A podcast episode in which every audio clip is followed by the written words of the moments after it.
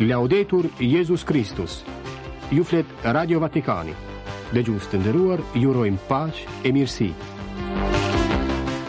Në fillim të programit të 28 shkurtit argumentet kryesore Jam ende pak i ftohur, prandaj i kërkova Monsinjor Çampanelli të lexojë katekizmin e sotëm, tha Papa Francesku në fillim të audiencës së sotme të përgjithshme mbajtur paradite në Vatikan.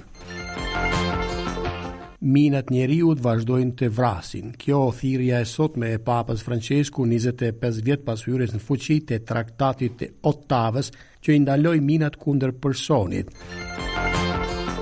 Në audiencë me anëtarët e Sinodit të Katolikëve armenë, mbajtur para audiencës së përgjithshme, Papa shprehu afërsinë me refugjatët e Nagorno-Karabahut. Në katekizmin e audiencës së përgjithshme e mbajtur në sallën e Palit 6, Reflektimi i Papës mbi veset e Zilisë dhe të Kotësisë. Pas audiencës së sotme të përgjithshme, Papa Francesku shkoi në spitalin Romak Izola Tiberina Xhemeli Izola për disa analiza a hetime diagnostike. Kështu njofton zyra e shtypit e Vatikanit, e cila konfirmon se menjëherë pas vizitës Papa u kthye në Vatikan. Më 1 e 2 mars në sallën e Sinodit në Vatikan do të mbahet një simpozium mbi antropologjinë e thirrjeve dhe të ardhmen e krishterimit, ku do të marrin pjesë Papa Francesku dhe specialistë ndërkombëtarë të shkrimit shenjtë, Biblës, filozofisë dhe teologjisë. shkencave humane dhe pedagogjisë. Krerët e pesë feve të ndryshme, budizmit, krishterimit, hinduizmit, islamit dhe hebraizmit, në një tryezë të rrumbullakët mbi paqen mbajtur në Tokio, kërkojnë të respektohet shenjtëria e jetës së njeriut dhe vendet e kultit.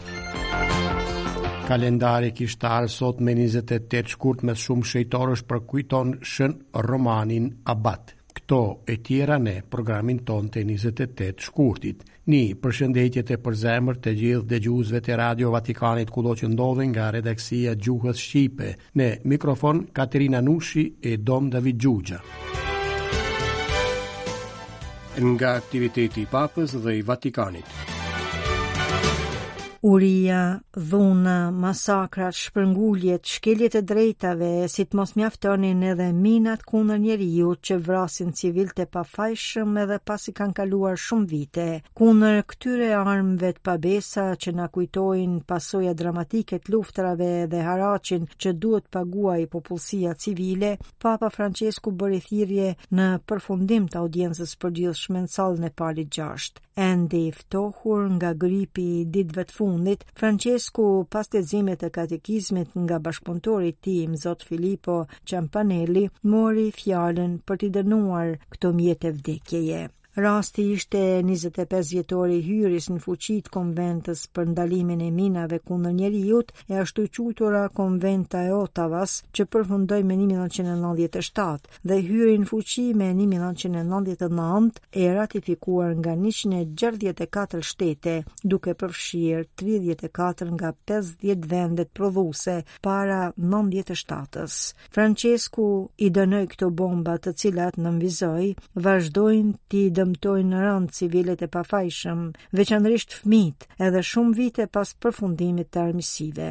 Një raport i paraqitur vitin e kaluar në Gjenevë nga Fushata Ndërkombëtare për Ndalimin e Minave Antinjeri kujtoi numrin e tyre në rritje dhe për shkak të shtimit të viktimave në Ukrainë, 608 e dyta pas Sirisë dhe pas Jemenit e Myanmarit. Esprimo la mia vicinanza alle numerose vittime di questi subdoli ordigni. U shpreh afërsinë time viktimave të shumta të këtyre mjeteve djallëzore, të cilat na kujtojnë pasojat dramatike të luftrave dhe çmimin që detyrohet të paguajë popullsia civile. Përballë këtij skenari dramatik, Francesku i falenderoi dhe i inkurajoi të gjithë ata që ndihmojnë viktimat dhe pastrojnë zonat e ndotura, Puna e tyre, theksoi Ati i Shenjtë, është përgjigje konkrete ndaj thirrjes universale për të qenë paqebërës, duke u kujdesur për vëllezërit tanë.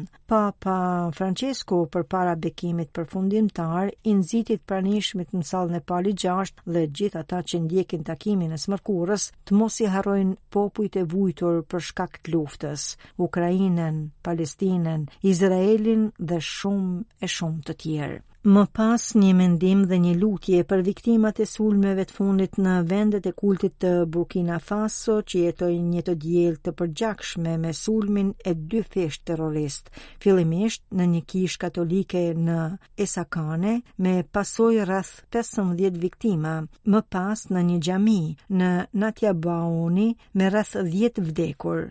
Nuk mungoi as shprehja e afërsisë për popullatën e Haitit, ku krimet dhe rrëmbimet nga bandat e armatosura vazhdojnë. Më pak se një javë më parë, gjashtë vëllezër të Zemrës së Krishtit u rrëmbyen nga grupe të armatosura ndërsa po shkonin në shkollë, e një prift tjetër u kap pas kremtimit të meshës në kryeqytetin Port-au-Prince. Cari fratelli e sorelle, ancora sono un po' raffreddato, per questo ho chiesto a Monsignor Ciampanelli di leggere la catechesi di oggi.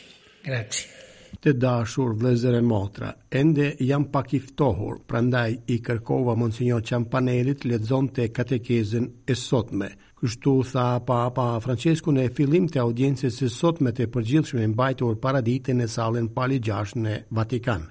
Papa Françesku në audiencën e sotme të përgjithshme mbajtur paradite në sallën e Pali 6 në Vatikan, pranë të shumë besimtarëve të ardhur nga vende të ndryshme, në katekizmin e nëntë kushtuar veseve dhe virtyteve sot u ndalua te L'invidia e la vanagloria. Zilia dhe kotësia. E para, zilia nuk mund ta durojë lumturinë e të tjerëve, tha Papa, sepse ka në bazë një ide të rreme për Zotin, logjika e të cilit është dashuria. E dyta, kotësia, tipike për ata që vlerësojnë vetëm vetveten, tha Papa, të çon në shfrytëzimin e të tjerëve, duke u përpjekur gjithnjë t'i sundojë.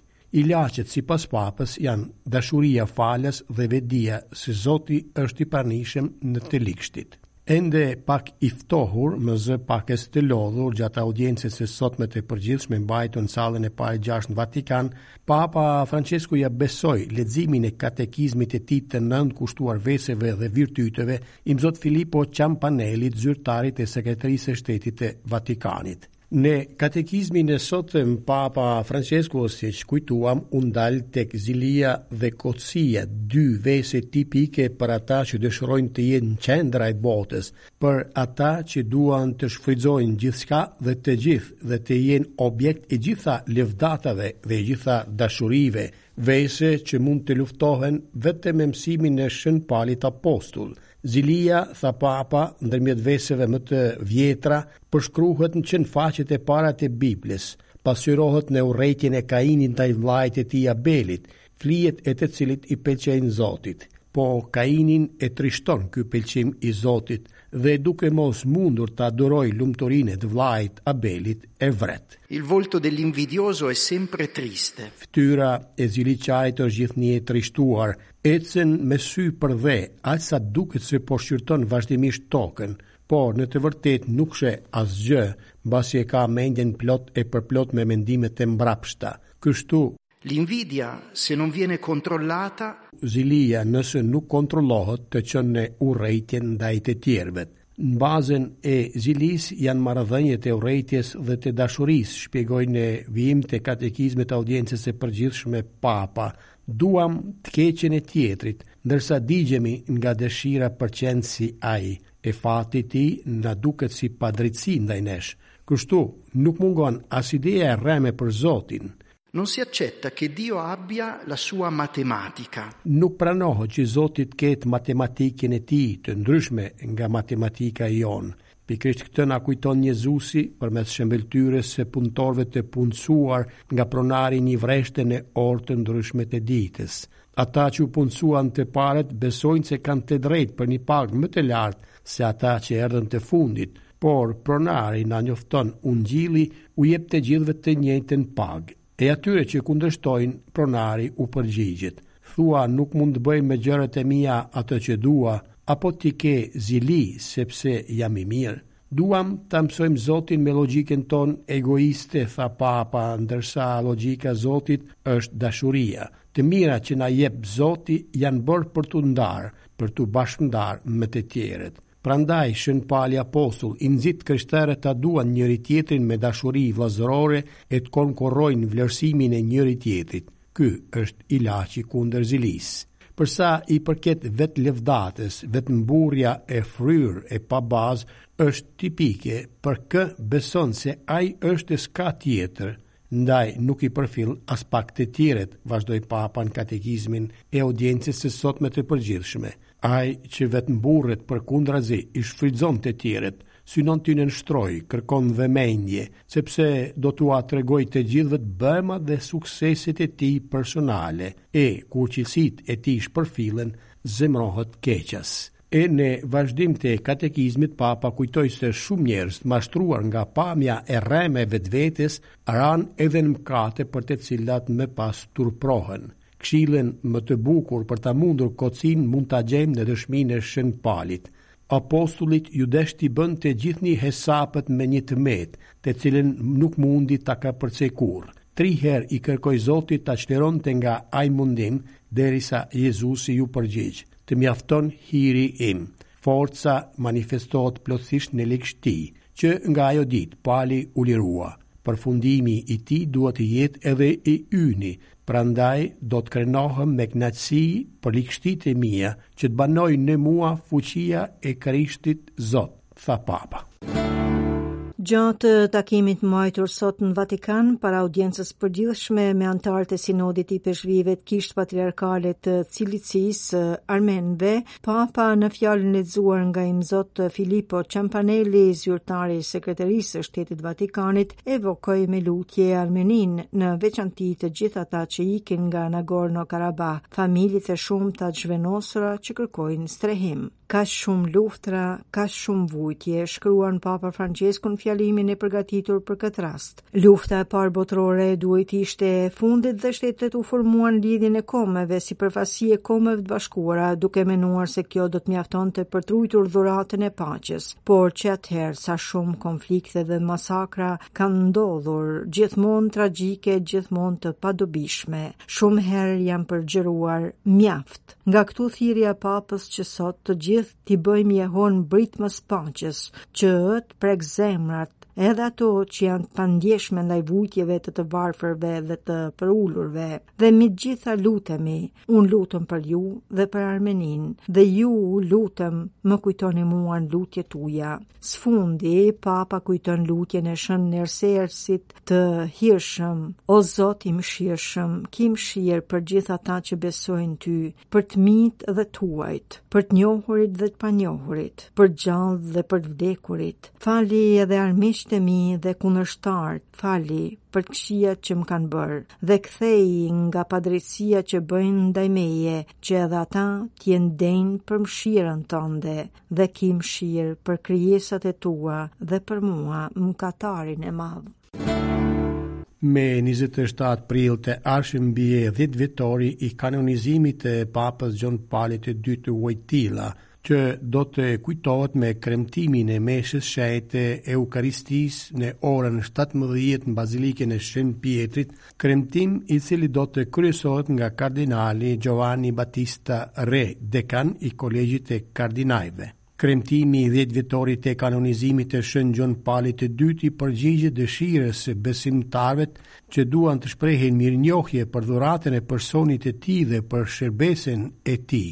Për këtë arsye, kremtimet janë të hapura për të gjithë, Çdokush mund të marrë pjesë pa pasur nevojë për një biletë për të hyrë në Bazilikën e Vatikanit, njofton Fondacioni Vatikanas Gjon Pali i Dytë për Vatican News. Kujtojmë se ceremonia e kanonizimit të Papës Gjon Palit të Dytë dhe Papës Gjonit njëzet e tretë, qe mbajtur me njëzet e shtatë prill dy mijë e katërmbëdhjetë në sheshin e Shën Pjetrit në Vatikan, e kryesuar nga Papa Françesku në prani të Papës së Nderit Benediktit gjashtëmbëdhjetë, Procesi i lumturimit dhe i kanonizimit të Papës polak Wojtyla zgjati gjithsejt nëntë vjet.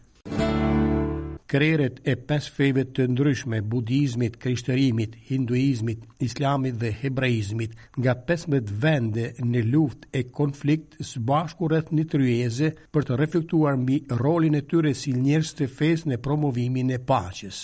Javën e kaluar në Tokio të Japonisë u mblodh tryeza e dytë e Rrumbullakët e Paqes, organizuar nga Shoqata Fetë për Paqe së bashku me Aleancën e Qytetërimeve të Kombeve të Bashkuara, promovuar nga OKB-ja. Katër ditë diskutimi në praninë e dëshmitarëve të rëndësishëm si ish-metropoliti ortodoks i Kalcedonisë, Adamakis, myslimani Bin Bajah, kreu i shoqatës izraelite Rabbis për të Drejtat e Njeriut, Avi Dabush, ish-ipeshkvi luteran i Tokës së Shenjtë, Munib Junan. Jemi thellësisht të shqetësuar për vuajtjet e paimagjinueshme që po përjetojnë njerëzit në zonat e konfliktit anembanë botës, si në Haiti, Lindje të Mesme, Myanmar dhe Ukrainë, shkruajnë udhëheqësit fetarë në deklaratën përfundimtare në fund të takimit që u mbajt në Tokio. Themelet e paqes dhe të sigurisë kërcënohen në çdo rajon të botës, ndërsa më të rrezikuarit, gratë, fëmijët dhe popullsia civile,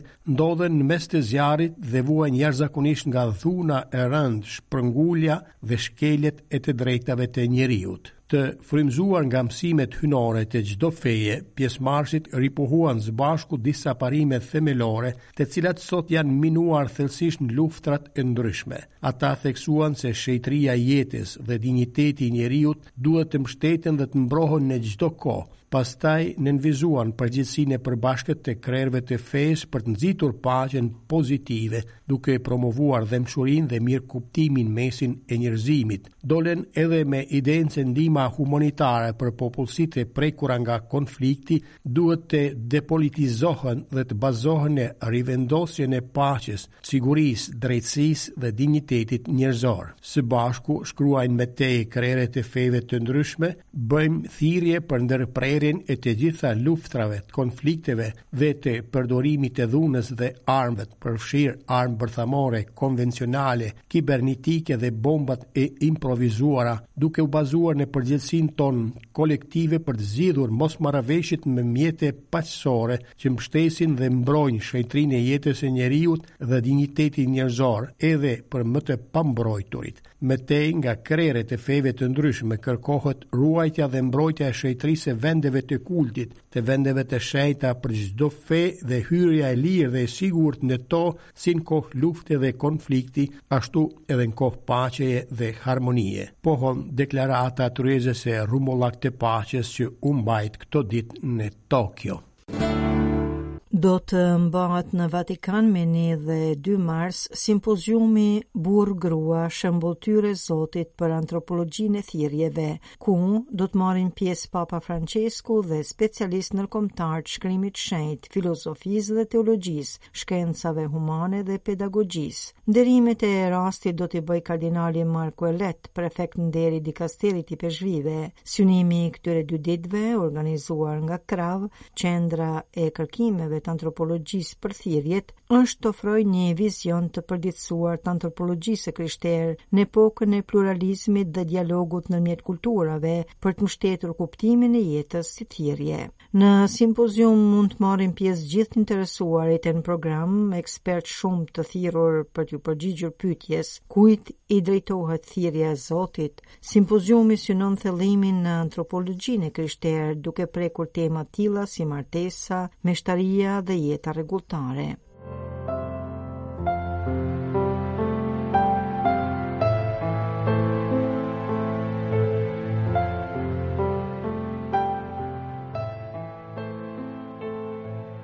dëgjuat Radio Vatikanin në gjuhën shqipe. Këtu të nderuar dëgjues përfundon programi ynë i sotëm. Ju falenderojmë për vëmendjen tuaj e mirudëgjofshim nesër. Laudetur Jezus Kristus.